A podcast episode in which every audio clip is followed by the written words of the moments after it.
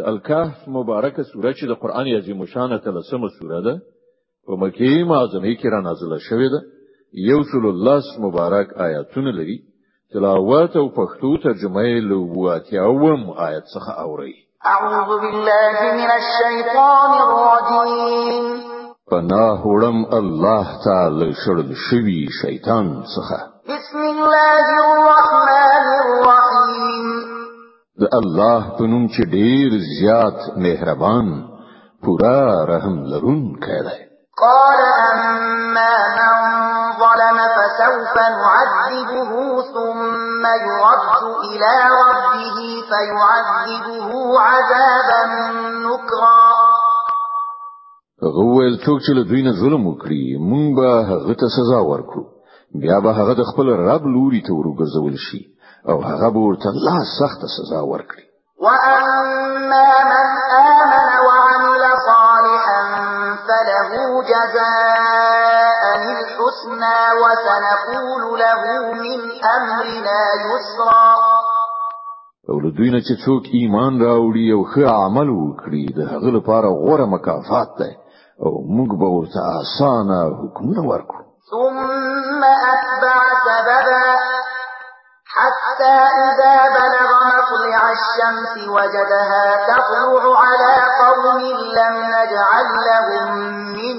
دونها سترا كذلك وقد أحطنا بما لديه خبرا بیا هغه د یو بل اقدام تیاری ونیو تر دې پوري چې د لمر خاطه هته ورسید هلته ولیدل چې لمر په یو داسې قوم باندې راخیږي چې مونږ د هغه لپاره له تودوخې نه د ژغورل کېدو څخه لار چاره نه ده برابره کړې د هغو دغه حالو او له ذوالقرنین سره چې څو په هغه باندې مونږ پوهېدلو ثم أتبع سببا حتى إذا بلغ بين السدين وجد من دونهما قوما لا يكادون يفقهون قولا بیا هغه د یو بل اقدام لارې چارې برابرې کړې تر دې پورې چې کله د دوه غرونو منځ ته ورسید نو له هغه سره هغه یو داسې قوم بیا مون چې په ډیره سختی سره په کومه خبره پوهید قالوا يا ذا القرنين إن يأجوج ومأجوج مفسدون في الأرض فهل نجعل لك خرجا على أن تجعل بيننا وبينهم سدا وغو خلکو ویل چې ایز القرنین یا جوج او ماجوج په دې سیمه کې فساد خوروي نو آیا مونږ تاسو د دې لپاره څه محصول درکړو چې ته زمونږ او د هغو په مینس کې یو بند واچوي قال ما مكنني فيه ربي خير فأعينوني بقوة أجعل بينكم وبينهم ردما غوول سچ زما پروردگار ما ترا په برخه کړی دی هغه ډیر دی تاسو په بشري قواله ما سره مرسته وکړئ زه تاسو او د هغو په منځ کې بند اچوم آتوني زبر الحديد حتى إذا ساوى بين الصدفين قال انفخوا حتى إذا جعله نارا قال آتوني أفرغ عليه قطرا ما ته اهن چادر راوړی په پا پای کې چې کله هغه د دواړو غرونو ترمنځ کنډو ډکړ نو خلکو ته ویل چې اوس اور بل کړی تر داسې اندازې پورې چې کله دغه اوسپنې دیوال بیخي لکه د اور په شان سور شو نو ویل راوړی چې اوس په دې باندې ویلې کړي مسو څه څه فما استطاعوا أن يظهروه وما استطاعوا له نقبا دغه بند داسې و چې یاجوج ماجوج ور باندې نشوي راختلای او په هغه کې سورای کول لدینه هم ورته زیات ګران قال فإذا جاء وعد ربي جعله دكاء وكان وعد ربي حقا ذوالقرنین وویل دا زما د پروردگار رحمت ده خو کله چې زما د رب د وعدې نیټه رارسیږي نو دا به میده میده هوار کړي او زما د پروردگار وعده حق ده وترکنا بعضهم يومئذ یموج بعض ونفخ في الصور فجمعناهم جمعا وعرفنا جهنم يومئذ للكافرين عرضا الذين كانت أعينهم في غطاء عن ذكري وكانوا لا يستطيعون سمعا او په هغه ورځ به موږ خلک پریږدو چې د سمندر د څپو غوندې په خپل منځو کې سره وپرځوي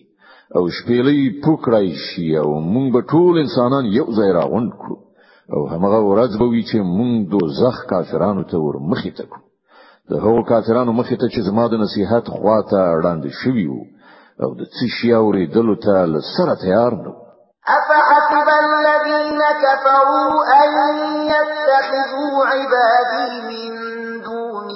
أولياء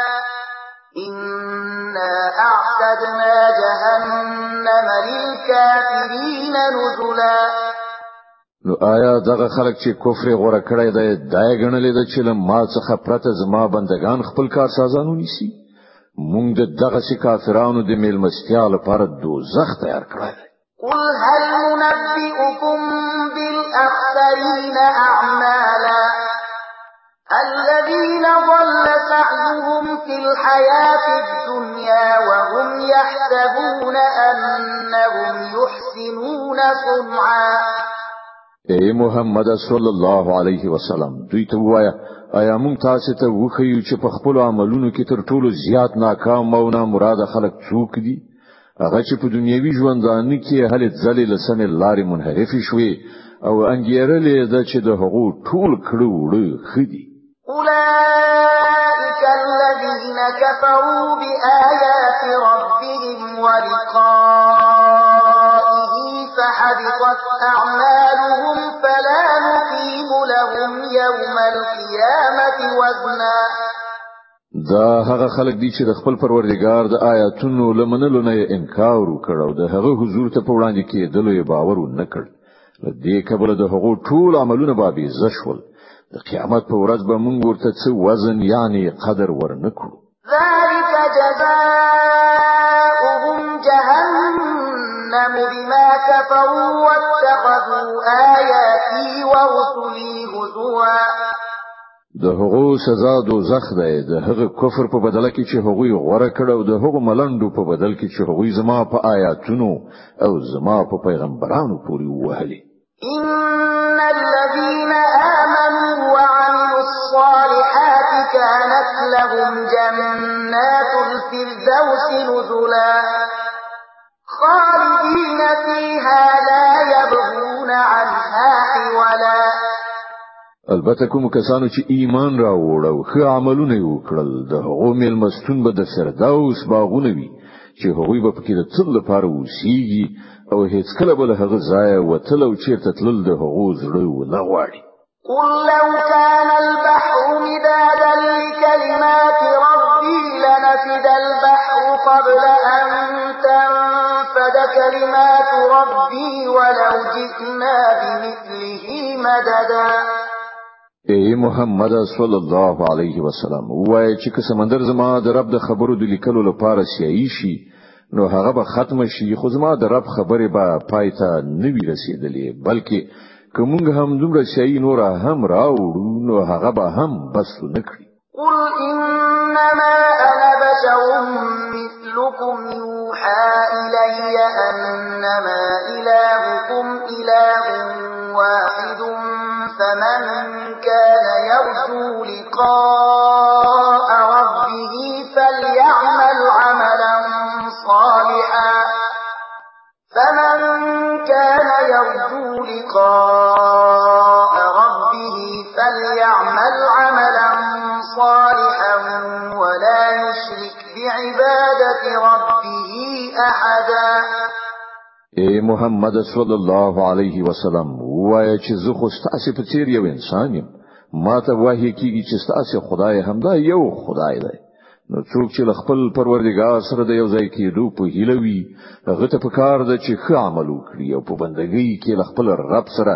بل څوک شریک نه کړي اوس